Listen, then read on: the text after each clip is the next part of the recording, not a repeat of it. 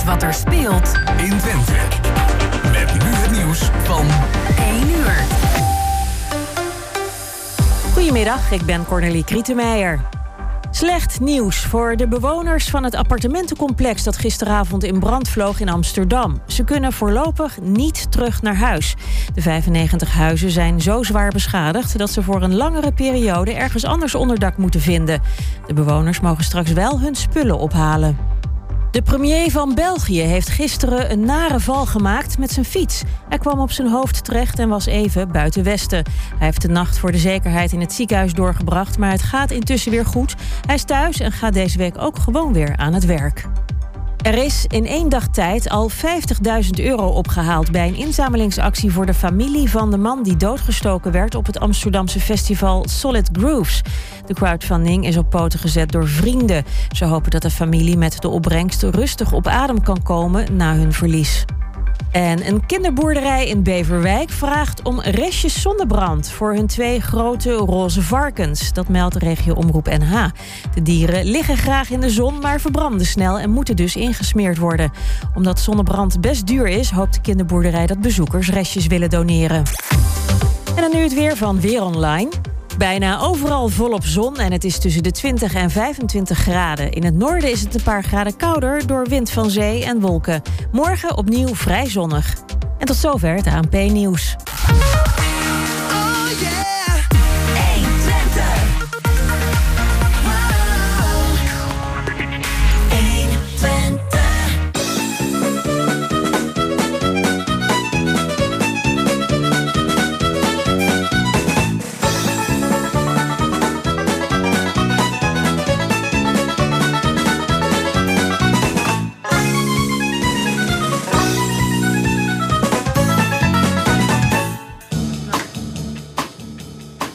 Ja, twee minuten over één. En uh, het is uh, weer tijd voor de tweede uur kwartetten.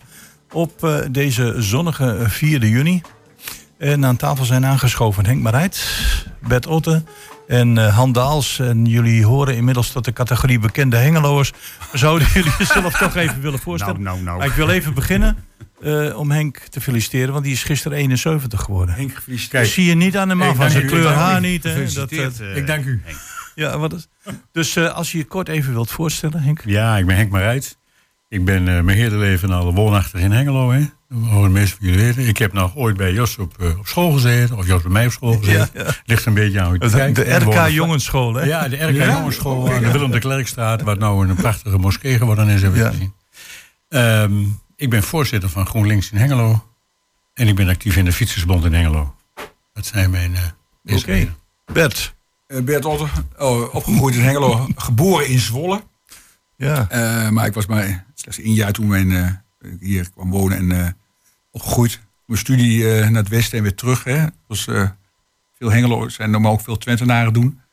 Um, een tijd wethouder geweest voor de Partij van de Arbeid. En nu voorzitter van de Partij van de Arbeid Overijssel. En wat ik ook heel erg leuk vind, wat ik sinds nu kort doe, is De Slinger. Ja. Dat is een organisatie ja. die zich inzet voor allerlei maatschappelijke doelen met uh, bedrijven. En dat vind ik ook heel leuk om te doen voor Hengelo. Nou. Goed, Handaals. Ja, ik ben fractievoorzitter uh, van Burgerbelangen, Burgerbelangen Hengelo. Um, woon al uh, ruim 30 jaar op Tuindorp in Hengelo. En ik werk op een mbo-school in Zwolle. Oké, nou, ik uh, wilde eigenlijk met iets, iets heel moois beginnen. Dat is dat er in dit weekend natuurlijk in Hengelo van alles te doen was. We hebben de Nacht van Hengelo gehad. Met ik weet niet hoeveel bezoekers. Ik was er zelf helaas niet bij. Gisteren Amusing. Met liefst 91 koren op 18 locaties. En vandaag ook weer een aantal activiteiten met dit prachtige weer. En dan zie je alleen maar blije gezichten op dat marktplein. Ja. Dat, dat, dat, ja, dat, dat, dat is, het is een schot in de roos geweest. Je kunt er natuurlijk uh, uh, ja, heel moeilijk over blijven doen. En dit en dat en dit en dat. Maar ik zag alleen maar gelukkige mensen. Ja. En uh, kijk ik even naar Johan. we hebben het er al eens een paar keer over gehad. En dan loop je daar overheen. En dan moet je dat als, als, als fractievoorzitter van Burgerbelangen toch een, een, een bepaald fijn gevoel geven. Jazeker. En met name omdat uh, het marktplein tot stand gekomen is vanuit de bevolking. Het bos op het plein, wat uh, paar jaar geleden op een gegeven moment initiatief nam, wat niet eh, blij was met de plannen op dat moment. En eh, dat uitgegroeid is tot een fenomeen. Afgelopen donderdag heeft de gemeente Hengelo nog een prijs, een VNG-prijs Ja. gewonnen. Global Goals 2023. En dat is natuurlijk geweldig hè, dat je landelijk blijkbaar eh, op het eh, goede spoor zit. En eh, met name wordt het eh, samen met iedereen gedaan. Dus van onderaf en op het juiste moment. Ja. En eh, heb jij, eh, je hebt gisteren ook meegeholpen, je hebt eh Ja, ik ben gelopen. vrijwilliger. En, en, bespeur eh, je dan alleen maar eh, mooie verhalen? Ja, absoluut. Eh, mensen, het is een hele goede sfeer. En het, eh, het is een heel Hengelo er nu, dit hele weekend. Het is echt een PR-weekend voor Hengelo dit. Mhm. Komen we straks op de nationale, wat zeg ik, de internationale tv hè, met de FBK. Dus het is echt fantastisch. En eh, nou, ik sluit me bij handen aan. Overigens, het is wel heel bijzonder. Hè. We hebben toen ik in mijn wethouderstijd ook zo'n proces gehad van, eh, van inspraak van onderop. Maar dat leidt ook niet altijd tot eenduidige conclusies. Hè. We hebben dat hijsgebouw was ook, waar ook, was ook vanuit de bevolking. Wat ik zo sterk vind, Ja. is dat, nou ja, ik, we hebben toen een tegen, dat ja, juist van ene actie een andere komt. En dat je, en ik heb ook, ik herinner me nog zo'n advertentie samen met ook nog een oud aantal eh, wethouders eh, dat ondertekend heeft van het bos in het plein, dat je een soort basisgevoel hebt van dit moet niet worden. En eh, wat ik zo mooi vind is dat, dat, dat groen en dat, die ontmoeting. Ik weet nog in mijn tijd dat we discussies hadden over zichtlijnen en er mochten bijna geen bankjes staan in de stad. Weet je wel, dat was toen die tijd. En ik zie daar zoveel mooie ontmoeting, letterlijk gesprekken. Dus ik ben eh, een trotse Hengeloer. Nou, eh, sluit je je daarbij aan? Ja, Want wat kan ik hier nou verder aan en de markt, eh, nee, verder Nee, kun dus je daar is niet, eh, niet te doen. Nou ja, wat ik, kijk, wij zijn natuurlijk eh, voor groen eh, zijn wij Ja. altijd. Ja. Dus wat dat betreft eh, is het echt wel een eh, grote verbetering. Het leidt ook tot meer diversiteit. Hè? Al die plantjes en planten en bomen. Dat is altijd hartstikke goed. Ik vind dat dat eh, echt wel een, eh, een fantastische toevoeging. Ja, want ik, ik, Dat geldt niet alleen voor de marktpleinen, hè. dat geldt ook voor hier voor de Bataafse kampen met al die bloemen. Mhm. En ook voor eh, nou ja, hoe het parkje straks eh, om de kerk gaat worden. Daar heb ik ook wel goede verwachtingen over. Dus wat dat betreft denk ik dat we er echt over uitgaan. ja, want waarom ben ik met, eh, met dit... Ja, Han, jij woont nog wat in mee. Ja, hoor, dat, eh, kijk, je ziet een omslag hè, de laatste paar jaar. De laatste vijf jaar, als ik dat zo mag duiden... zie je hoe dat ook eh, in de samenleving omslag naar die duurzaamheid... dat begrip ontstaat van we moeten wat doen met elkaar. Ja. Het wordt steeds zichtbaarder dat die klimaatverandering eh, ook, eh, ook eh, nou, tot, tot problemen leidt. Ehm, nou, hittestress in de, in de stad. Het is een begrip aan het worden wat iedereen wel snapt. En Ja. zo'n bos of markt, marktplein wat nu getransformeerd wordt, is, sorry. ehm, het is ook fantastisch. En we zijn op heel veel plekken in de stad nu op deze wijze bezig. En je ziet dat mensen dat waarderen. En zeggen van, nou, dit is de toekomst van Hengelo. Nou goed, dat is eh, fijn om, om dat te horen. Want waarom wilde ik met dit positieve geluid beginnen? Omdat ik gisteren in de, op de voorpagina de Bansia iets las... waar ik echt helemaal eh, rillingen van kreeg. En dat zijn de jeugdbendes. Ik denk van, daar wil ik niet mee beginnen... maar ik wil het zeker aanroeren. Ik heb daar verhalen gelezen waar ik denk van... zijn we in het wilde westen beland? En wat kan een gemeenteraad daar eh, überhaupt tegen doen? Ik weet niet of jou het bericht gelezen hebt, ik neem aan van wel, maar dat je er ook van geschrokken bent?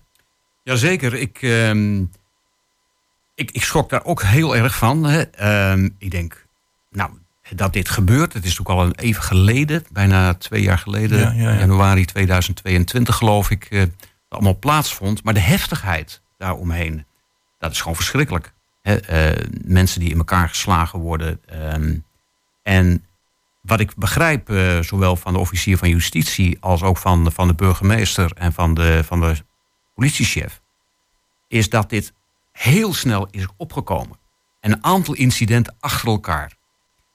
Ehm, en dat er nauwelijks grip op is. En dan kijk ik even terug. Hè. Ik geef les eh, op een school eh, met met name jongens 16 tot, tot 19. En ehm, ja, dan, dan zie je wel eens op een gegeven moment eh, reacties. Denk van, hmm, dat is toch wel... eh, waarom, waarom reageer je zo? Waarom reageer je zo extreem? En ehm, ja, dat is vaak ook een stuk frustratie. We hebben, nou komt die weer natuurlijk, hè, corona achter de rug. Maar er is toch wat aan het veranderen in die samenleving. Waardoor eh, jongeren zich ongeremder gewoon uiten. En in dit geval ook heel extreem. En ja, ik, ik ben ik daar. Maar wel geschrokken. meerdere plekken. Is daar een oplossing Ja, voor? ik vind- ja, er is zeker een Nou oplossing ja, voor. een Ja? oplossing. Ik geloof nooit in, in één oplossing. Nee, hè? Dat is het niet. Maar ik denk dat corona... Je ziet trouwens op meerdere plekken. Kijk ook naar het supportersgeweld. Waarin eh, voor corona mensen zeiden van... Nou, we hebben nog wel een beetje overzicht over de mensen die helemaal eh, door het lint kunnen gaan. Eh, maar nu zie je jonge jochies van 15, 16 jaar die men niet kent. eh, als eh, in, in het voetballegioen, zeg maar. En die volslagen, maar dan vooral ook, ook wat ik heel erg van schrok, is ook ehm, ja, zonder gevoelloos. Hè? Dus eh, gewoon geweld kunnen toepassen zonder dat er... En we zijn geneigd om dat altijd neer te leggen bij nou, gezinnen waarin problematiek is. Dat keek ik ook voor erg van op. Ehm, eh, dat het eh, ook gezinnen zijn, wat dan normale gezinnen genoemd wordt. Ehm, ja, en een factor, Han, jij zit in het onderwijs, ik merk het ook hier en daar wel eens, eh, van, die, toch van de sociale media. Hè? De enorme impact die dat ook heeft. Eh, een soort ehm, tegen elkaar op. Dus ik, eh, ik vond het echt het, het gevoelloze, ook wat jongeren tentoonspreiden. Ook, ik, geloof, ik las het artikel, daar schrok ik echt heel erg van. Dat je dan ook in een rechtszaak een jongere geen enig gevoel van berouwen aangaf. Dus ja, wat is een Ja, oplossing? In ieder geval heel erg verbinding in die samenleving houden. Dus veel meer ook vroegtijdig, ehm, ook vanuit het onderwijs. Eerder ook signalen oppakken. Ik denk dat we dat ook soms, soms laten lopen hè, met elkaar. Van jongens, dit gaat niet goed. Wat gaat hier gebeuren? Interesse in elkaar. Want eh, Ehm, dat is belangrijk, denk ik. je, je bent daar Ah. heel positief over. En je zegt van, oh, natuurlijk is daar een oplossing voor. Nou, daar ik ben een en al voor. oor. Nee, ik, ik sluit me wel aan wat- wat Bert zegt. Hè. Er zijn meerdere dingen te doen. Ja. Ik denk, het begint met omzien naar elkaar. Hè. Weten dat je met elkaar eh, iets te doen hebt. Hè. We, hebben, eh, we hebben deze maatschappij langzamerhand zo geïndividualiseerd... dat kinderen en ook hun ouders eigenlijk alleen nog maar kijken naar zichzelf... en niet naar elkaar. Kijk, we hebben natuurlijk, maar dat is natuurlijk een heel klassiek eh, begrip. We hebben natuurlijk eh, ooit eh, in de jaren 70 en 80 natuurlijk buurthuiswerk gehad. Waarin kinderen eigenlijk uitgenodigd werden om, nou, kom er maar zo zelf bij. Hè? We hebben straathoekwerkers gehad, we hebben allerlei varianten gehad om te zorgen dat kinderen, met name kinderen, niet aan hun lot werden overgelaten. Ja, maar het is toch dat allemaal we. wegbezuinigd, of niet? En dat is allemaal wegbezuinigd. En we weten ook door wie, dus dat is allemaal een beetje treurig. En ik geloof niet dat je dat één op één kunt herstellen in de zin van we doen het net zoals toen. Dat geloof ik niet. Maar het principe, hè, dat je vindplaatsen zoekt waar deze jongens zich vervelen. En dan hè, met alles wat erbij hoort, hè, met, eh, met ook wensen met eh, luxe auto's. En, eh, nou, noem maar op, hè, de luxe die op voorgespiegeld wordt hè, via onze fijne sociale media, hè, TikTok of hoe het allemaal heet. Ja, maar. allemaal. Joh. Nee, dat gaat allemaal zo. Ik denk dat we daar echt iets te doen hebben. En dat kan ook omdat we daar uiteindelijk, als we nu goed investeren, ook wel echt wel rendement uithalen. Dat geloof ik echt. Ja, daar heb je het namelijk met over goed investeren. En kijk Ja, even toch een naar... reactie, hè, want eh, wat Bert eh, eh, aangeeft, de individualisering. Ja, we zien het om ons heen. Hè. Ik heb er zelf ook wel eens last van dat ik op, met die, op die telefoon zit. Ja. Ik zit alleen maar te kijken en dan weer een rondje langs de socials die we doen. Ehm, nou, en zeker als dat bepaalde, hè, tegenwoordig met algoritmes in bepaalde loepen kom je dan. En dan krijg je dus informatie die zich dan zelf versterkt. En aan zeker jongeren die, nog, Ja, die in, nou in ja. die tijd nog zoeken, daar gevoelig voor zijn. En de extreme, die gaan zich, willen, eh, die gaan zich bewijzen. En dan krijg je dus dat het helemaal doorslaat. En dan een buurthuisoplossing. Hoe bereik je, want mijn vraag is van, hoe bereik ik ze dan? En het, is, het is niet een buurt. Kijk, het Nee, buurthuis. dat is wat, eh, goeie- wat- dat is niet wat ik zeg. is niet, eh, wat, wat je wel ziet, is dat de manier, dat merkte ik ook in mijn wethouderstijd al van. Dat wij op bepaald. de methode van erop af. Ik weet nog goed in die tijd dat dat een discussie was. Hè. Dus kennen wij mensen, toen ik maatschappelijke opvang, hè, dak- en thuislozen. dat mensen, kun je mij plekken aanwijzen, ook naar ambtenaren, naar- waar mensen vertoeven. En dat was niet altijd mogelijk. Dus met andere woorden, we hebben mensen nodig die in die haarvaten komen. Die, ik ben het helemaal met je eens eh, dat wij weer het straathoekwerken, laten we dat niet eh, eh, framen van, eh, dat is weer de oude Shaki van, eh, hoe het, dat niet. Maar dat zijn stevige mensen die heel, wat een belangrijk is, die hebben een sterke informatiepositie. Die zien het. Ook wat we ook was noemen de buurtburgemeester. Hè? Dus de mensen die eigenlijk de informele leiders. Wie? En, het- en een belangrijke factor vind ik ook wel nog de ouders hoor. Ik, ik, zou, ik geef ouders geen verwijt direct hoor. Het kan zijn dat je zoon of dochter helemaal ontspoort. Terwijl je dat heel moeilijk. Maar er is ook al soms een neiging, ook als onderdeel van de individualisering. Dat ouders zich heel snel aangesproken voelen. Ik denk dat jij daar misschien over kan meepraten. Weet ik niet, hand vanuit het onderwijs. Als je mensen ook op verantwoordelijkheden wijst. En mensen ook aanspreekt op maar verantwoordelijkheden. het, het grote probleem is, Bert, hè, je, het is niet zichtbaar.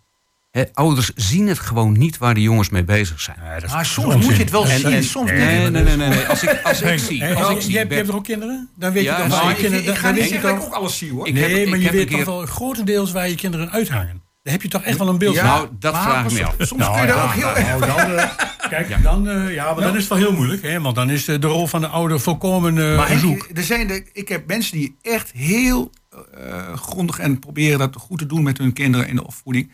En toch enorm schrikken wat kinderen dan toch eh, uit kunnen halen. Maar ik denk dat je wel heel erg kritisch als je bijvoorbeeld, bijvoorbeeld met spullen thuiskomt. Hè, of zoiets van. Hè, of je ziet je kind eh, op sociale media wel soms filmpjes bekijken. Dan kijk je met een schuin oog op de bank van wat bekijk jij nou? Die, die vraag heb ik bij mijn dochters ook wel eens gesteld. Wat is dit? Precies. Ja, Hoeveel ouders zitten zelf niet de hele ja dag op social media? Nou, En dat is het grote ja. probleem. waar leg je het daar neer? Ik, ik heb eh, in de klas een keer gevraagd bij mij van hoeveel schermtijd heb jij nou Ja, gemiddeld ja, op een dag? En dan kun je gewoon Oh ja, zien. dat wordt één keer per week. Ja, dat Een week kreeg ik dat gemeld. Nou, dan kun je Dat kun je gewoon, dat kun je gewoon zien. Er zien, waren ja, dus ja. studenten bij mij met 10 uur schermtijd Ja. per dag. Ja, ik denk het ook.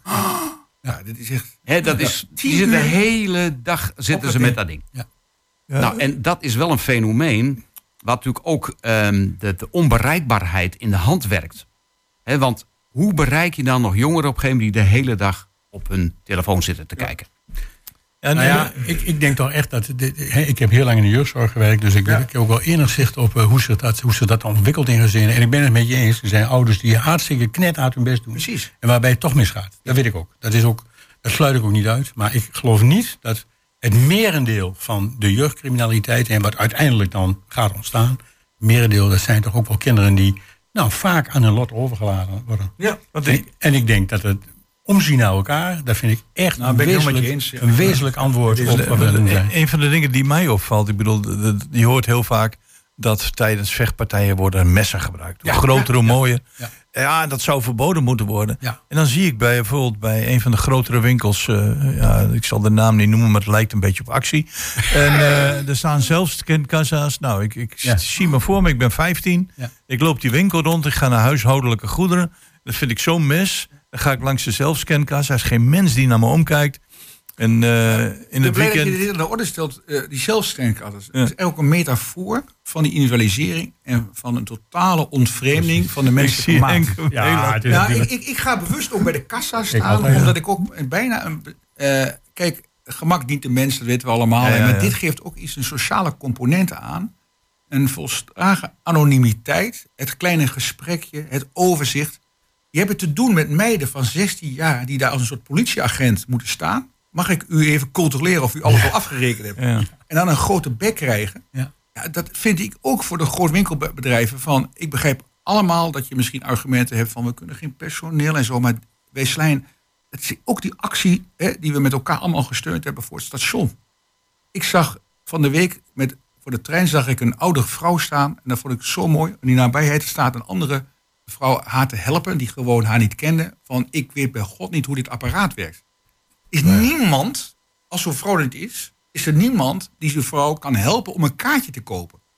En dat is, we hebben met elkaar in die samenleving, of eh, dat je ergens je wil reclameren of ergens informatie, krijg je een telefoon, één voor dit, twee voor dat. Dus we hebben die menselijke maat, de ontmoeting. Hè, eh, en wat ik hier in dit mooie eh, huis nog wel vind, de bibliotheek hier ja, ja, ja, zeker. Die moeten we terug. Die moeten we ook terug in de, in de dienstverlening van de gemeente. Ik was ook een beetje verbaasd op een bepaald moment dat ook eh, bij de baliedienst van de gemeente je het alleen maar, geloof ik, via het online kon. Hè? Ja, je kunt Vergeet niet hoeveel mensen ook afspraak. Ja. eh, zeg maar, eh, digitaal niet even vaardig zijn. Hè? En ook eh, problemen hebben, überhaupt met taal. Dus we, hebben, we zijn doorgeschoten, denk ik, in, ja, in, ehm, in al die efficiëntie denken. En de menselijke maat zijn we echt uit het oog Ja, verloren. kijk 100 meter verderop. Er stond vroeger een heel groot bankgebouw hier in de Beurstraat. Ja. Dat staat al een hele tijd leeg, omdat de mensen daar niet meer terecht kunnen. Ja. Nou, dat kwam vanuit de Ja, seniorenraad. die achtertrouw dus ook. Stond ook een Ja, bank. ja. Ja. Er kwam vanuit de seniorenraad zoiets van... eh, hoe moeten we dit oplossen? Nou, er is geen oplossing voor gevonden. Nou ja, je ziet wel hè, die- die, veranderingen in de samenleving. Overigens toch die zelfscankassa's dan een opmerking. Ehm, lang geleden gingen we over naar de eerste supermarkten in Nederland. Waar dezelfde discussies van onpersoonlijk, hoe kan dat nou? En, ehm, dus we zullen wel een modus moeten vinden van hoe gaat dat? Je ziet nu de eerste ervaringen zijn niet zo goed. eh, wordt dan gelinkt aan het feit dat eh, ja, mensen op een gegeven moment eh, geen geld hebben om, om zaken te kopen. En dan toch langs de zelfscankassa gaan. Maar het is een fenomeen. Onze automatisering gaat steeds verder. Maar ik vond het wel mooi, hè, Johan, om daar toch. Ik vind, kijk, we hebben in de Partij van de Arbeid ook een discussie gehad. Er zelfs een leerstoel nog aan de Universiteit Twente over technologie en samenleving. Dat wij dachten, en ik hoop nog steeds dat we, daar, dat we die strijd niet opgeven, dat we toch een beetje de boel nog konden eh, ja, reguleren, afspraken maken. En, om, omdat de, de drivers in die technologie. maar kijk nu eens naar de ontwikkeling van AI, kunstmatige intelligentie. Wat ik opvallend vond, is dat een topman was het van een eh, Google of Apple, ik weet niet meer.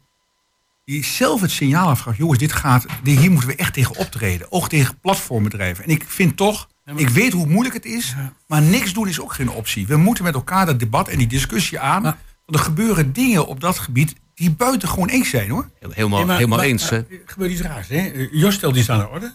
Die stelt aan de orde van, eh, hè, we, we zien de jeugdcriminaliteit. En wat wij doen is eigenlijk alleen maar verklaren hè, dat de automatisering eh, onafwendbaar is. Dat alles wat daarin gebeurt, dat dat iets is wat over ons heen komt. Alsof we daar zelf ook niet iets over kunnen zeggen. Natuurlijk kunnen we dat. Nee, maar Henk, het is natuurlijk wel een oorzaak. Hè? Die automatiseringsgolf die over ons heen komt, is een oorzaak voor problematieken die we in de samenleving zien, waar we nog geen antwoord op hebben. En we moeten wel een antwoorden zoeken. En dat is inderdaad die intermenselijkheid. Ja. Je zult wel met elkaar een samenleving moeten Maar dat zijn. antwoord vinden we niet door te zeggen, het, gaat, het moet zo omdat het economisch of weet ik veel anders Nee, maar ont- technologische ontwikkelingen hebben de laatste decennia laten zien dat dat toch zijn eigen dynamiek heeft en dat je daar iets mee moet als samenleving. Maar, maar dan, dan Ja, maar- ik, ik ben burger van Hengelo en ik lees dat artikel in, eh, in Tubantia. Ja. En ik vraag me dan op dit moment af, en daar ben ik ook eh, eh, mee begonnen van. Je bent gemeenteraadslid of je bent fractievoorzitter of, of je bent politiek betrokken bij een partij die in de gemeenteraad zit. Kan een gemeenteraad hier iets mee met dit uit de hand lopende probleem rondom de jongeren? Of zeg je van, dit gaat onze competenties te boven? Daar wil ik een kort antwoord op. Nou ja, eh, sowieso eh, aanstaande woensdag eh, gaan we daar toch wel vragen over stellen aan de burgemeester van dit komt zomaar tot uiting. Hoe kijkt u daar tegenaan? Wat kunnen wij gaan doen? Wat kunnen wij gaan doen vanuit eh, de gemeente om eh, dit, eh, dit niet weer voor te laten komen? Henk, wat, wat, wat zou jij eh, de, de gemiddelde burger antwoorden als jij het voor het zeggen had? Als ik het voor het zeggen heb. Nou ja, als je, Nou ja, je ik- hebt in jeugdzorg ik- gewerkt, je hebt je mening Ik zei erover. net al, Ja. hè, naar elkaar omzien. Hè, en dat begint ook mee dat je als je, dat je als gemeente moet faciliteren... eh, dat er mensen zijn die, die ook naar deze jongens en meisjes kijken. Niet, en dat gebeurt natuurlijk heel veel op scholen. Hè, daar ben ik me ook wel bewust van. Ja. Hè. Mijn dochter zit ook in onderwijs, die kent er ook wel iets van. Maar ik, ik denk bij mezelf, daar heb je gewoon iets meer in te doen... als alleen maar het aan de ouders overlaten. Hè. Die moeten allebei van, van acht tot eh, vijf hard werken... anders kunnen ze hun huis niet betalen. Dus je moet daar als samenleving, als gemeente... moet je daar echt iets in doen. Maar, maar heren, het is toch de primaire taak van het onderwijs om te onderwijzen? Precies. Ja, maar vind je ik ook. kunt niet, maar je eh, komt daar niet onderuit. Alleen maar, hè. Je, ik, denk, nou dat is even het punt ook, hè. eh, wat je zegt, Jos. eh, dat- tuurlijk, is een primaire taak, maar ook, ook zelfs een onderneming, hè. Dan kom ik toch even met dat maatschappelijk verantwoord, maatschappelijk betrokken onderneming. We moeten als samenleving niet dingen weer segmenteren van dat is voor die of dat is voor die. Er ligt een gemeenschappelijke vraag op dit punt. En dat is de toekomst van onze jongeren. En met heel veel jongeren gaat het goed overigens. Hè. Laten we ook alsjeblieft dat ook zeggen. Ja. Maar bij deze jongeren waar het helemaal uit de mis Ik vond trouwens de naam wel heel opvallend. Het Bridge Groep. Ik dacht eerst van. Dus, ik was een beetje op verkeerde been gebracht, maar dat Ja, zeiden. Maar overigens was dat beleid al een tijd. Hè. We hebben in Twente al eerder jeugdbendes, vijf. Maar dat waren echt dan, wat Han ook in het begin zei, niet zo die ineens opplopte. Dat waren duurzaam, dat waren orzoorse verbanden. Die kennen we al langer. In mijn tijd hadden we die ook al in de gaten. hè. Ja. Het is nu veel diffuser. En doordat het diffuser is, moeten we echt het onderwijs. eh, en die moet ook onderwijs geven, maar die moet die ook aandacht voor hebben. En ik zou echt pleiten voor dat, dat ze met een heel duur woorden erop af, hè, de outreachende, veel meer eh, zeg maar, in die samenleving je haarvaten zoeken. Wat gebeurt hier? Han, Ja. Eh, toch even over het onderwijs. Ehm, ik ben van mening dat je dat gesprek met de jongeren aan moet gaan. Je hoort in een klas op een gegeven moment wel eens opmerkingen. Nou, dan denk je, ho, wacht eventjes, wat is dat? Nou, vraag erop eh, door. Hè, toon belangstelling. Eh, en ook als dat ehm, zaken zijn die eigenlijk niet door de beugel kunnen, van benoem ze. Ja. Gaan ze niet veroordelend, maar hoor terug van, nou, wat, wat dit, hè, ontspoort iets. nou, waar je op school zit, eh, hebben ze nog wat drinkketen. Nou, dan gaat wel eens fout. Hè, en dan denk je, wat doe je dan? Ik vind, En- mag je en- vraag, Han, ik vind het heel mooi wat jij doet. Hè, want die vraag, maar ik hoorde als het onderwijs dat soms die vraag al niet meer gesteld wordt. Nou, ik doe dat bewust. Hè. Kijk, ik, eh, ik geef lessen aan een eh, verkoopopleiding. Nou, dan moet je sowieso in contact. Hè. Dat is ook onderdeel van beroep. Hè, dat ze mee wil geven. Maar ik, geef, ik eh, krijg ook informatie wat ze aan het doen zijn. Hè, wat zijn zij nu aan het doen naast school, werk? En hou er rekening mee, heel veel jongeren werken veel op dit moment. Hè. Eh, dat is echt zoiets, ongelooflijk. Ja. Je ziet de verschuiving zelfs. Dat de eh, motivatie bij eh, de oudere leerlingen, ik heb ze dan van 16 tot 19. Nou, de prioriteit voor school gaat, verdwijnt achter het werk. Het is dus eh, eerst werk. Ja, nou, ja. dan komt thuis en dan komt school. ja. En dat is, dus ik vraag bij de intakes tegenwoordig, hoe, hoe werk je nou eigenlijk? En ehm, om een beetje idee te krijgen. Aan de andere kant heb ik wel geloof in ze. Ik zie ook op een gegeven moment, als ik ze één op één spreek. En eh, je kijkt naar hun perspectief. En, en je zegt, goh, wat zijn jouw dromen nou? Weet je, dan willen ze best. Alleen je moet ze wel de aandacht geven en ehm, met, ze, met ze meekijken. En, en als het op een gegeven moment niet goed gaat, zeg je, joh, dat kan niet. Ik- ik- eh, dat moeten we anders doen. Ik heb de indruk dat we nog maar aan het begin zijn van een, van een, een hele grote brede maatschappelijke discussie over hoe eh, wij met z'n allen weer ja, een gemeenschap kunnen vormen en niet allemaal individuen. Daar eh, gaan we ook geen oplossing brengen in dit programma, maar ik vond het toch wel heel leuk om jullie meningen daarover te horen. Het onderwijs, vroeger de jeugdzorg, jij vanuit je betrokkenheid, eh, ja, vanuit je- als, als vader, als, als PvdA. maar het wordt nu even tijd voor een stukje muziek. Ik heb geen cent te maken. Heb nooit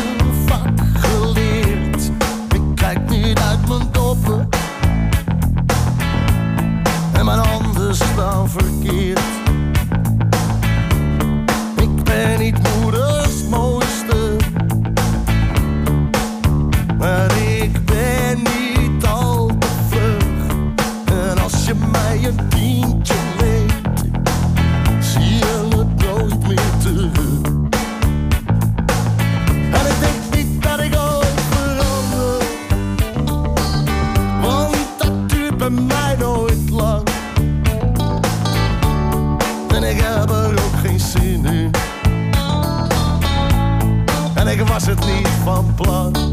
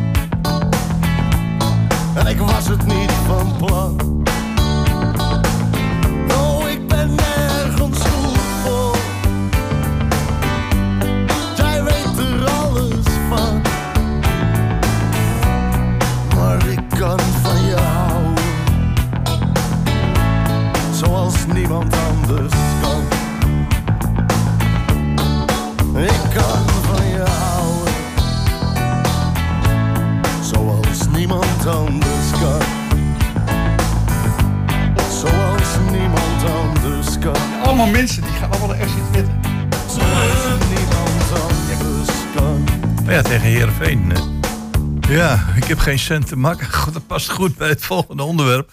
Het gaat even over het volgende. Ik was, eh, van de week zat ik in de auto naar een item te luisteren. En dat ging over mensen die in de sociale werkvoorziening werken. En deze mensen, we hebben er in Hengelo ook een. En die zeiden van wij blijven overal buitenschot. Eh, we hebben een ontzettende grote inflatie. Maar bij, voor ons zit er een loonsverhoging niet in. Terwijl wij eigenlijk ook ambtenaren zijn. En aanstaande woensdag 7 juni is het voor hen een landelijke actiedag van wij zitten klem. En is mijn vraag, in Hengelo hebben we deze voorziening ook. En ik weet dat de gemeentes eh, niet zwemmen in het geld. Maar kan een gemeente als de gemeente Hengelo, dat die erg goed bekend staat om zijn armoedebeleid, iets betekenen voor deze mensen? Kijk eerst even naar Johan.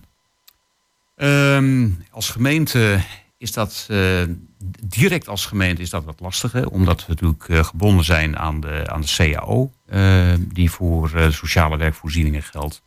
En ja, dat wordt via de Vereniging van Nederlandse Gemeenten wordt dat, geregeld. Die maken afspraken.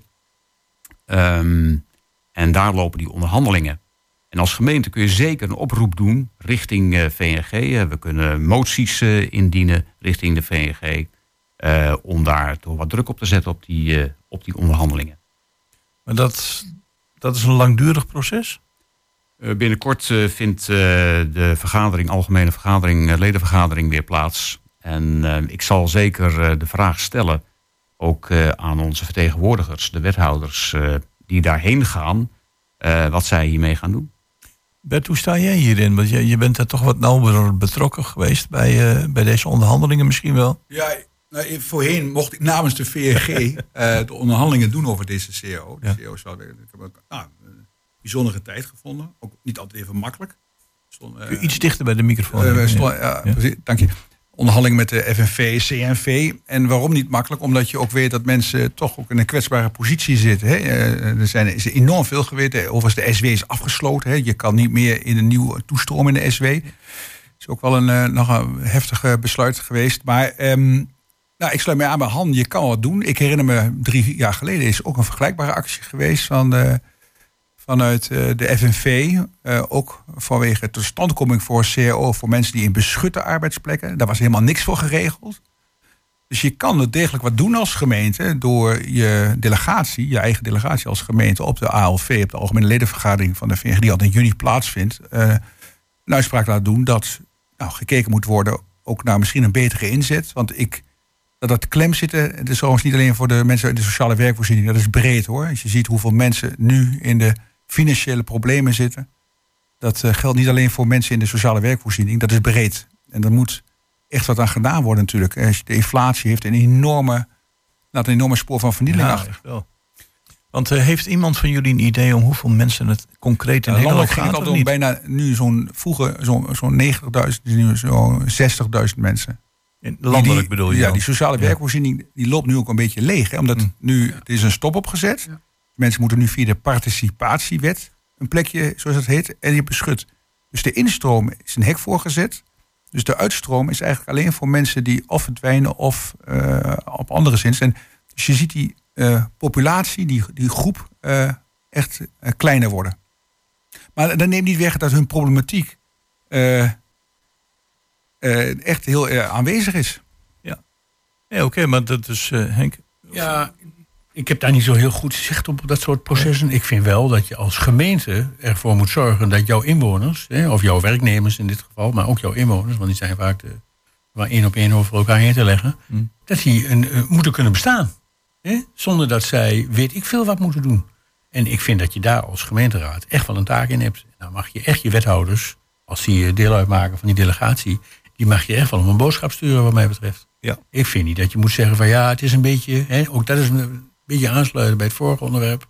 Het, komt, het overkomt ons maar. Hè. Je kunt daar zelf ook iets in doen. Maar dan moet je wel voor je eigen burgers gaan staan.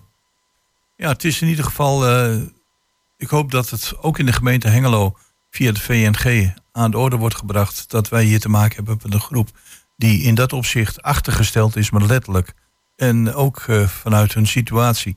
En dat daar eh, ingegrepen kan of misschien wel moet worden. Ja. Om ook deze mensen een menswaardig bestaan te geven. Precies. Dat laatste is het allerbelangrijkste. Ja. Ja, helemaal eens. Kom ik bij, eh, ja, ik las een, ook weer een stukje in de krant over het hotel wat er moet komen. Volgens eh, meneer Hasselen Harm. Want we zitten nu met een aantal eh, ja, mensen die gevlucht zijn in het Hotel de Vereniging. Leuk voor eh, hem dat hij zijn kamers op kan vullen. Maar Hengelo blijft, eh, als het gaat om statushouders, blijkbaar volgens de statistieken wat achter. Ja. Eh, zie je daar een oplossing aan of niet? Nou, dat achterblijven, dat ligt toch wat genuanceerder. Dat heeft dacht eh, ik te al. maken met eh, de telling, de, de datum waarop geteld is. Ja. En op dit moment eh, ehm, is dat niet meer het geval, zover mijn informatie Mhm. eh, strekt. En ehm, is Hengelo heel hard bezig. En ehm, we kregen zelfs eh, ook eh, complimenten vanuit eh, de overheid. hè, hoe we de opvang geregeld hebben voor de Oekraïners op dit moment. eh. Ja. Ehm, dus dat, is, eh, dat staat dan op de rit. Maar het, ja, we krijgen natuurlijk steeds grotere opgaven ehm, met asielzoekers. En we hebben gisteren kunnen horen de discussie binnen de VVD. Hoe dat gaat. Want ja, die toestroom, die toestroom wordt alleen maar meer. En ook dit jaar zijn de verwachtingen gewoon niet goed. Dus die druk op gemeentes neemt alleen maar toe. Dus je zult ook, en ook de gemeente Hengelo, zal ook verder moeten kijken. En we gaan eh, op niet al te lange termijn eh, bij het eh, oude stadskantoor weer een aantal extra vluchtelingen gaan we over het huisvesten daar. Dus we proberen met alle macht ehm, huisvesting te vinden. En dan een hotel daarvoor. Ja, goed, er zijn natuurlijk allerlei ideeën die dan eh, opkomen. Ehm, maar eh, in eerste instantie eh, moeten we eerst maar zorgen dat we het onder controle krijgen. Ja, ik ben een beetje. Ik, ik, ik, ik krijg een beetje een kippenvel gevoel, maar dan niet in de positieve zin. Bij al die populistische geluiden richting statushouders.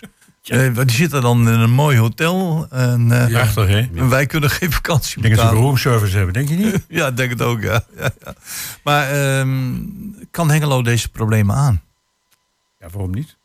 Tuurlijk kunnen we dat aan. Maar we moeten dan ook wel een keuze maken, zo nu en dan. Hè? Dan moet je een keuze maken dat je nou, wat minder, eh, wat minder grootse andere dingen doet. En misschien wat meer eh, ga- gaat zoeken in de richting van eh, hoe gaan wij zorgen voor goede huisvesting. Maar ja, je hebt toch als gemeenteraad beloften naar je, naar je mensen toe. En de gemeente die zegt van we hebben een heleboel ambitieuze plannen.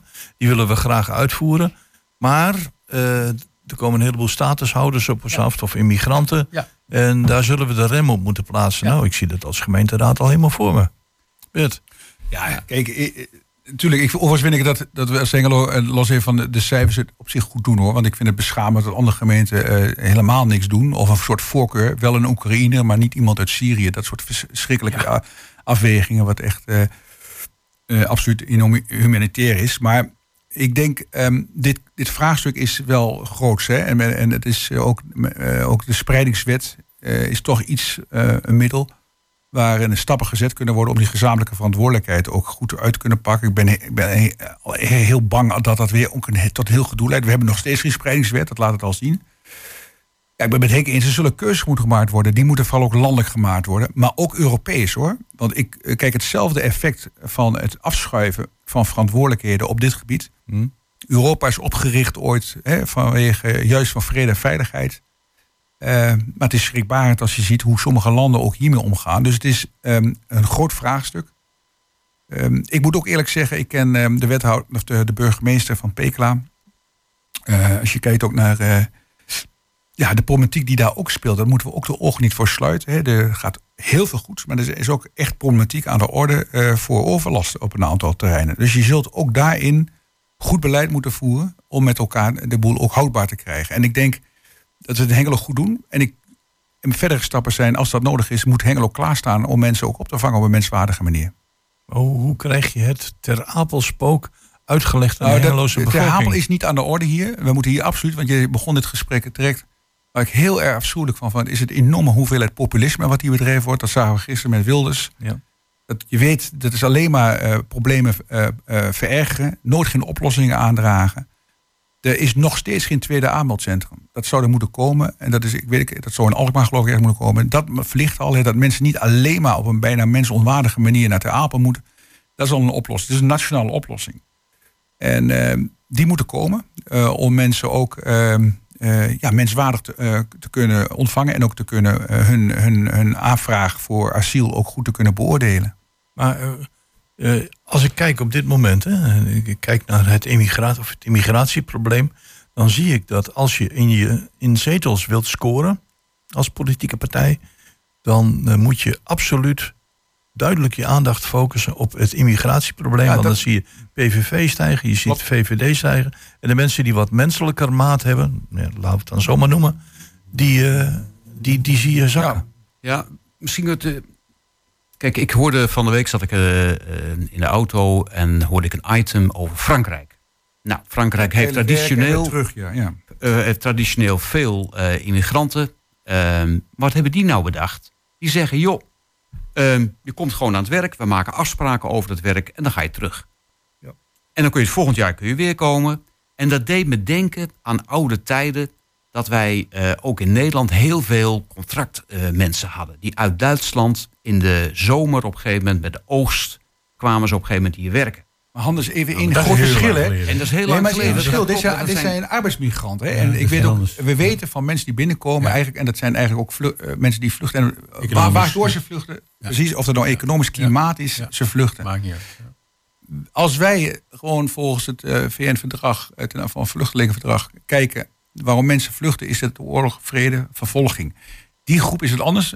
Eh, overigens is het wel zo Eens. dat de meeste mensen die hier, eh, eh, de, de mensen van buitenlands komaf, is inderdaad wel de arbeidsmigranten die je Ja. dit aangaf. En als je daar... En daar zou je iets ook aan kunnen doen. En ik vind ook de tussenpersonen, de flexbureautjes, wat er aan verdiend wordt over de ruggen van die mensen. Als we een sociale oplossing, daarvoor kunnen we, heb je mij mee. Vind het wel een situatie die we niet, niet kunnen vergelijken natuurlijk met de mensen die asiel vragen. Hè. Dat is een, een andere achtergrond. Nee, maar je hebt verschillende categorieën heb je, heb je daar natuurlijk bij. Daar ben ik het eh, helemaal mee eens. Maar door duidelijkheid te verschaffen aan de voorkant... en ook dat betekent dat dat je ook duidelijkheid verschaft naar iedereen in Nederland... wat je aan het doen bent. En dat is het grote probleem. We zien dus beleidsmatig in Den Haag hè, dat het ijs niet opschiet. In feite gebeurt er gewoon niks. En de uitvoering wordt dan neergelegd lokaal. Waar iedereen zegt van waarom wij dan? Ja, nee, En, en, en, en dus de, de, de, eh, het onvermogen, het politieke onvermogen eh, wat landelijk speelt, wordt dan afgewend tot lokaal. En daar balen mensen van. En die zetten dan de hakken in het zand. Dus er is dan geen begrip, geen begrip voor asielzoekers, wie dan ook. En, en dat is natuurlijk überhaupt een probleem, hè, dat we met wantrouwen ten opzichte van de centrale overheid zitten. En ook overheid in algemeen. Ja. En dat maakt het allemaal niet makkelijk, want er zijn hele schrijnende gevallen die je op moet vangen. Dat is onze, onze menselijke plicht Ja. die we hebben met elkaar. eh, als daar situaties ontstaan. En ehm, nou, daar wordt verschillend tegen aangekeken. En er zijn natuurlijk ook politici die daar garen bij spinnen. Ja. Ja. Eh, dat is gewoon Ik hoorde heel- van dat Maar- hotel in Tubber dat er ook nog een totaal Nee, nog. Dat is ook een verschrikkelijke affaire. Ja, Dat vind ik ook. niet, eh, eh, of het los van zitten in. Maar denk, jongens, ook, ook daar een lokale overheid. Wie pakt zijn verantwoordelijkheid voor dit soort zaken? Hè? Dat je denkt, hoe kan dit? dat- Ja, maar het bijzondere is hè, dat al die vluchtelingen uit Oekraïne, daar konden we toch in een hele korte termijn plek voor vinden. Dat was eigenlijk niet zo'n groot probleem. Nou, chargeer het wat. Terwijl we voor een equivalent daarvan doen we, zeggen we eigenlijk alleen maar, je komt er niet in. En als je in Oeganda, hè, waar nu weer een nieuwe burgeroorlog eh woedt, en die mensen die slaan op de vlucht. Nou, die houden echt niet. Die vluchtelingen Die gaan, echt niet kijken, die gaan echt niet kijken wat hier nou eh, het beleid is hoor. Die denken gewoon, ik moet hier weg. Dat begrijp ik, Henk. Hè? Dat En- je op een gegeven dus moment ja, dat er situaties ontstaan. Dat je vlucht voor je Ja. voor lijf en leden met je, met je gezin. Ja. En dat je weggaat. Ehm, maar dat betekent wel dat je wel duidelijkheid moet verschaffen. Wat, het, wat als je hier aan de grens staat, wat kan wel, wat kan niet. En nu wordt op een gegeven moment krijgen we de aanmeldcentra in Den, Ter Apel. Ellenlange procedures. Mensen zitten jarenlang eh, dat ze moeten wachten voordat er duidelijkheid ontstaat. Dat kan tot, dat is toch ook onmenselijk. Ja, natuurlijk is dat onmenselijk, maar dat, we hebben dat, eh, er was genoeg capaciteit, maar dat hebben we een jaar of eh, tien geleden afgebouwd, omdat de toestroom minder werd. Toen werd alle kennis ging snel afgebouwd. Hè? Dat is ook een, eh, daar hebben we van geleerd, denk, hoop ik. Ja, nou, En, eh, en nog een tweede aanbod of een derde een centrum. En een, ook een stringente aanpak voor echt. Nou, ja, ik, had, ik had er laatst met Sharon Dijksma nog over, nu burgemeester van, eh, van Utrecht. Ja, ook rond dat Centraal Station. Het is echt een probleem hoor. eh, Dat je dat op dit moment ook daar een heel eh, duidelijke aanpak voor moet komen. Maar wat Voor ik mij afvraag- uitzichtloos in de samenleving eh, wonen en leven. Wat ik, wat ik me afvraag, heren, is van... Is jullie positieve boodschap ten aanzien van ja, de mogelijkheid die je moet scheppen voor, eh, voor vluchtelingen te verkopen in deze tijd eh, aan een Hengeloze bevolking of een Enschedeze bevolking of waar dan ook in tijden van een opkomend populisme? Ik denk dat zeker. Kijk, als je hoe dat vluchtelingen opvangt, ga wel direct in gesprek met de omgeving. Nou, ik vind dat we dat als Hengelo heel goed doen. Met name de burgemeester heeft daar een belangrijke rol in.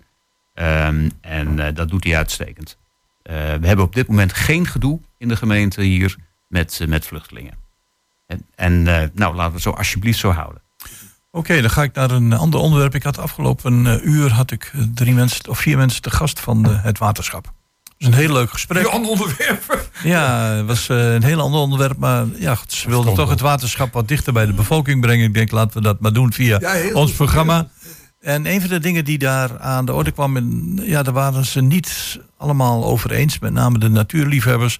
En dat is de vestiging van het bedrijf NX Filtration in Hengelo. Ja.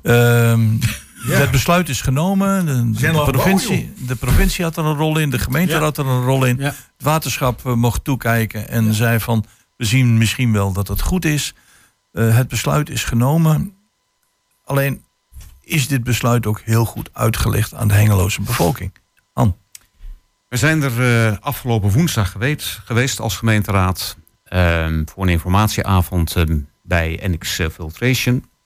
Die hebben ons uitgelegd wat er nu ontstaan is. Hè? Want eh, in feite is er eh, ja, toch, toch eh, een angst voor de grondwaterdaling en de enorme hoeveelheden water die ontrokken worden.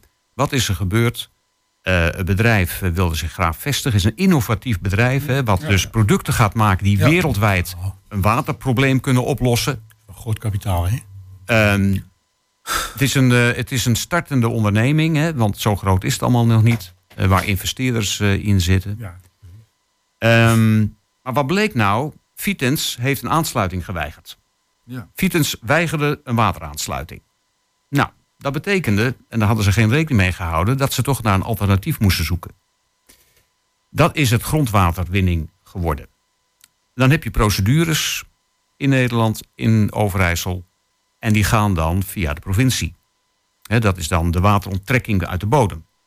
Die procedure heeft dat bedrijf gewoon netjes doorlopen en hebben daar gewoon een vergunning voor gekregen. Ehm, dat is één. Twee is dat de bouwvergunning gaat via de gemeente. En daar wordt het dus al complex. Dat leg je dus aan de inwoner niet uit. Die zegt van, hé, wat is dit nu? Er wordt gebouwd, er wordt ja. Hoe kan dat nou? Beste gemeente, waarom gebeurt dit? Ehm, en dat is ook voor ons eh, als, als politiek, eh, voor politiek eh, is dat ook lastig. Daarom zijn we er ook naartoe gegaan. Want je hebt dus de provincie, je hebt de gemeente, maar je hebt ook het waterschap. Want NX Filtration wil graag naast grondwater ook oppervlaktewater innemen. Vanuit Twentekanaal. Nou, dan heb je op een gegeven moment dat nodig. Want zij beseffen zich ook terdege eh, dat het zomaar kan zijn dat ze bijvoorbeeld dat oppervlaktewater door droogte niet meer kunnen innemen. Nou, dan heb je dus een alternatief, want ook die productie moet daardoor eh, van grondwater. Dat is in kaart gebracht door allerlei deskundigen.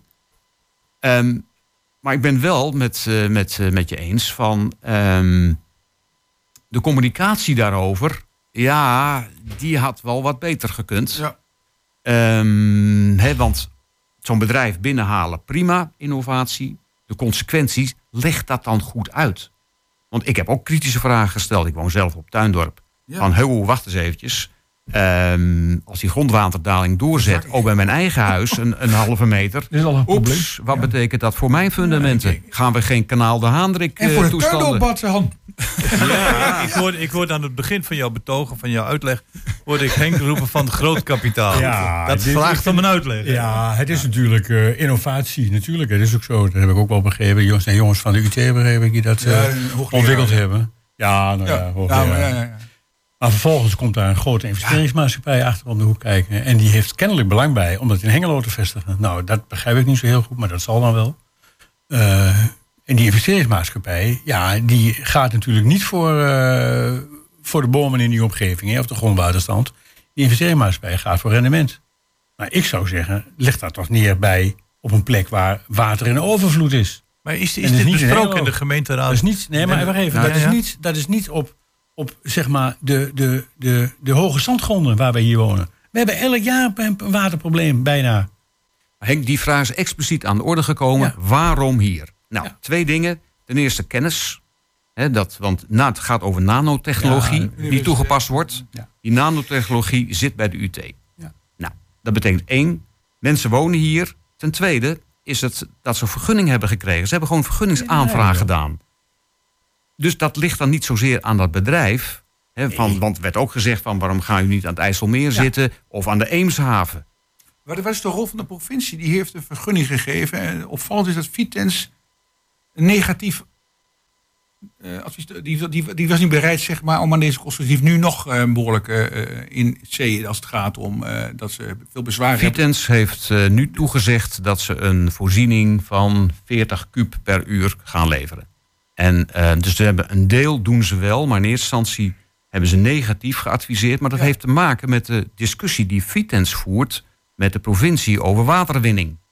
En dat zie je al, al een jaar lopen op dit moment. En daar zijn de meningen verdeeld over. Maar ligt dan ook hier niet nog een vraag die gesteld zou kunnen worden, eh, ook eh, richting de provincie? Van wat voor afweging hebben jullie eh gehanteerd bij die verlening van die vergunning? Er is een hoorzitting geweest in het eh, gemeentehuis.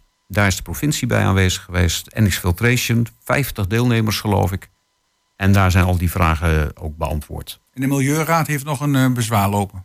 Ja, wat ik begrepen heb, een kort geding zelfs. eh, tegen de wijze waarop eh, de vergunning is eh, verleend. Kort geding, ja. Ja. En eh, Ja. dat vindt binnenkort plaats, geloof ik. Ze zijn aan het bouwen, zag ik. Ja, die bouwvergunning eh, Die zal kan afgegeven worden. Nou, een, een, een van de vragen die bleef hangen boven de mensen van het waterschap is van... Oké, het gebeurt. Het is van start gegaan. Maar nu de handhaving. Hoe blijf je... Monitoring. Hoe, hoe, de monitoring, want er gaat nu iets gebeuren. Ja, met grondwater, met milieuwater. Ja.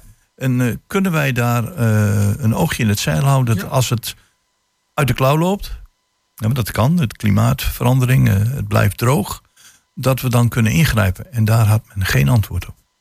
Nou ja, ik, zover ik hier tegenaan kijk. één, dus direct de omgeving. We hebben ehm, op dit moment in de stad een groot aantal watermeetpunten. Die je kunt gewoon zien, het grondwater. Eh, ik geloof iets van enkele tientallen. Ehm, ook bij het tuindorp en ook richting het kanaal kun je gewoon zien per dag wat de grondwaterstand is. Dus daarmee kunnen ook inwoners meekijken van hé, hey, wat, eh, wat gebeurt er nou? Ten tweede, de provincie is ook eh, toezichthouder. Dus die zal ook moeten controleren. Dus het handhaven zou kunnen gebeuren door de provincie als eh, de gegevens aangeven dat is niet verantwoord. En dat zou tot stillegging kunnen zijn van de, van de productie of van de Ja, bedrijfsleven. want dat vraag ik me af of dat kan. Ja, dat is de vraag, dat weet ik ook niet. Nee, daar, heb ik, nou ja, daar, denk ik, daar denk ik altijd een beetje anders over. Ik geloof nooit dat de provincie dat dan uh, stil ligt. Nou ja, nou, niet dat van. weet ik niet. Nee, nou ja, dan moet je misschien wel dwingen met een, eh, weet ik veel. Ja. Maar dat, dat zijn... Is wel, ja. Heren, nou we het toch over water hebben gehad. Eh, ik, ik ben de afgelopen twee weken ben ik in Spanje geweest. Een hartstikke mooie vakantie gehad. En toen zag ik ergens voorbij komen in een digitale versie van de Tubantia... de poging of het idee... Ja, want daar wil ik ook mee afsluiten met het aanleggen van een strand in Hengelo. Eh, En dat daar nogal wat, wat, wat, wat, wat, ja, wat, wat een beetje gekissenbis over Ja, nou misschien mag ik daar iets over zeggen. Ehm, nou, we hebben natuurlijk het ehm, eh, evenementenplein, burgemeester Jansenplein. En ehm, daar, is, is, eh, daar zou nieuwbouw gepleegd worden. Ja. Nou, dat gaat voorlopig niet door. Dus dan zie je daar toch een, eh, een lelijk, eh, eh, lelijk gat ontstaan. Waar je tegenaan zit te kijken. Dat is niet fraai. Dus was het idee van, daar moeten we wat aan doen. Ja. Nou, de SP heeft daar een heel het, creatief idee. Die dachten van, nou, een beetje naar de variant van het Beekplein. Ehm, en dat we daar iets leuks voor de mensen gaan doen. Een soort stadsstrand. Nou, hebben we al een stadstrand bij het Tuindorpbad, maar dat even terzijde. Ehm, en eh, dus dat eh, was in maart, kwam die eh, motie. Nou, iedereen dacht, ach ja, waarom niet hè? Het, nou, dat als je daar iets leuks van kunnen maken, tijdelijk weliswaar, eh, om die, die periode te overbruggen dat er niks is, laten we dat maar doen. Wethouder ook zei van, nou, we zijn al bezig zelfs, dus iedereen had daar wel vertrouwen in. Tot 17 mei eh, de wethouder met de mededeling kwam van ja, nee, ik vind eigenlijk dat eh, de horeca dat zelf maar op moet pakken of eh, de ondernemers. En ehm, voorlopig ga ik even niks doen. Dus ik wacht op initiatief uit de stad. En dat was een tegenvaller. Ehm, want het blijkt dat ehm, een aantal evenementen zijn die het hele plein nodig hebben. Nou ja, dan was het een beetje lastig als daar ook een stadsstrand is. Dus en toen eh, waren natuurlijk eh, partijen teleurgesteld en uitte dat eh, in de vergadering.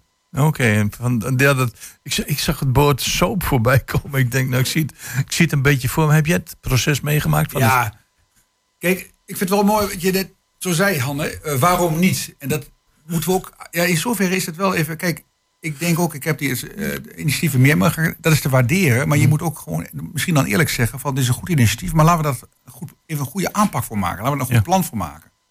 Eigenlijk in het hele discussie over het marktplein zeg je hetzelfde. Van hé, hey, er komt weer iemand met een plan, een eh, fijn plein, weet ik veel wat voor gedoe allemaal Ja, dan wordt het een soort tombola van ideeën. En dan krijg je een hele aparte discussie. En die heel erg leuk is op terrasjes in dit stad. Van wat is leuk, een strand. En ja, strand gaan we strand doen, dan gaan we dit doen.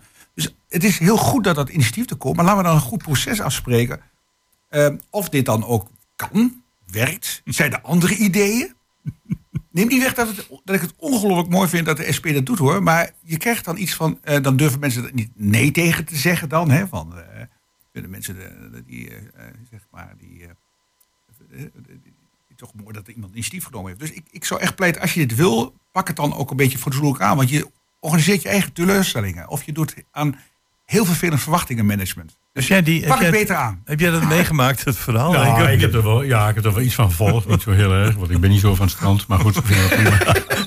ik vind het prima. Nou, Maar ik denk, je zei net al iets over de faciliteren. Wat de gemeente zou moeten doen naar Ja. burgers toe. Ja. Nou, dit zou natuurlijk een prima oplossing zijn. om dat lelijke plekken, hè, waar nou ook nog zo'n afschuwelijke Ja. poster hangt. Ja. Ik weet niet hoe je het noemen moet.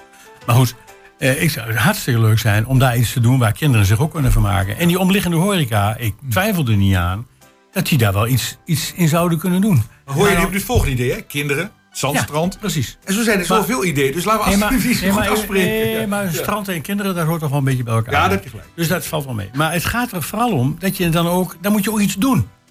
En als je op je handen blijft zitten en zegt, ja, de, de, de ondernemer moet het maar regelen. Ja, sorry, maar eh, ik geloof niet dat het Het, getouwtrek eh, Ja. is wat dat betreft eh, niet vreemd in de gemeente Hengelo. We hebben ooit eens een strand gehad. Ja. In de Waarbeek, waar Ja. ik heb leren zwemmen. Dat klopt. Dat hadden we een strand. Ja, Maar goed, dat, dat is anders dat is afgelopen. al heel lang geleden. Ja. Henk Marijts, Bert Otten, Handaals, Gerben Ulbrink. En mijn naam is Jos Klasinski. Het uur zit er weer op. Bedankt voor jullie bijdrage. Ik wens jullie een hele fijne afsluiting van dit zonnige weekend. Jullie gaan ongetwijfeld eh, naar het FBK of in ieder ja, geval eh, meteen gaan eh, kijken. naar het FBK-stadion. Ja, sommigen misschien wel naar FC Twente tegen Herenveen om de play-offs. Wat jullie ook gaan doen, eh, geniet ervan. En mijn collega's van Sportlijn die komen zo aan de beurt. En ik wens hen een eh, prettige uitzending. En jullie bedankt voor deelname aan kwartetten op deze zonnige zondag, de 4 juni. Dankjewel.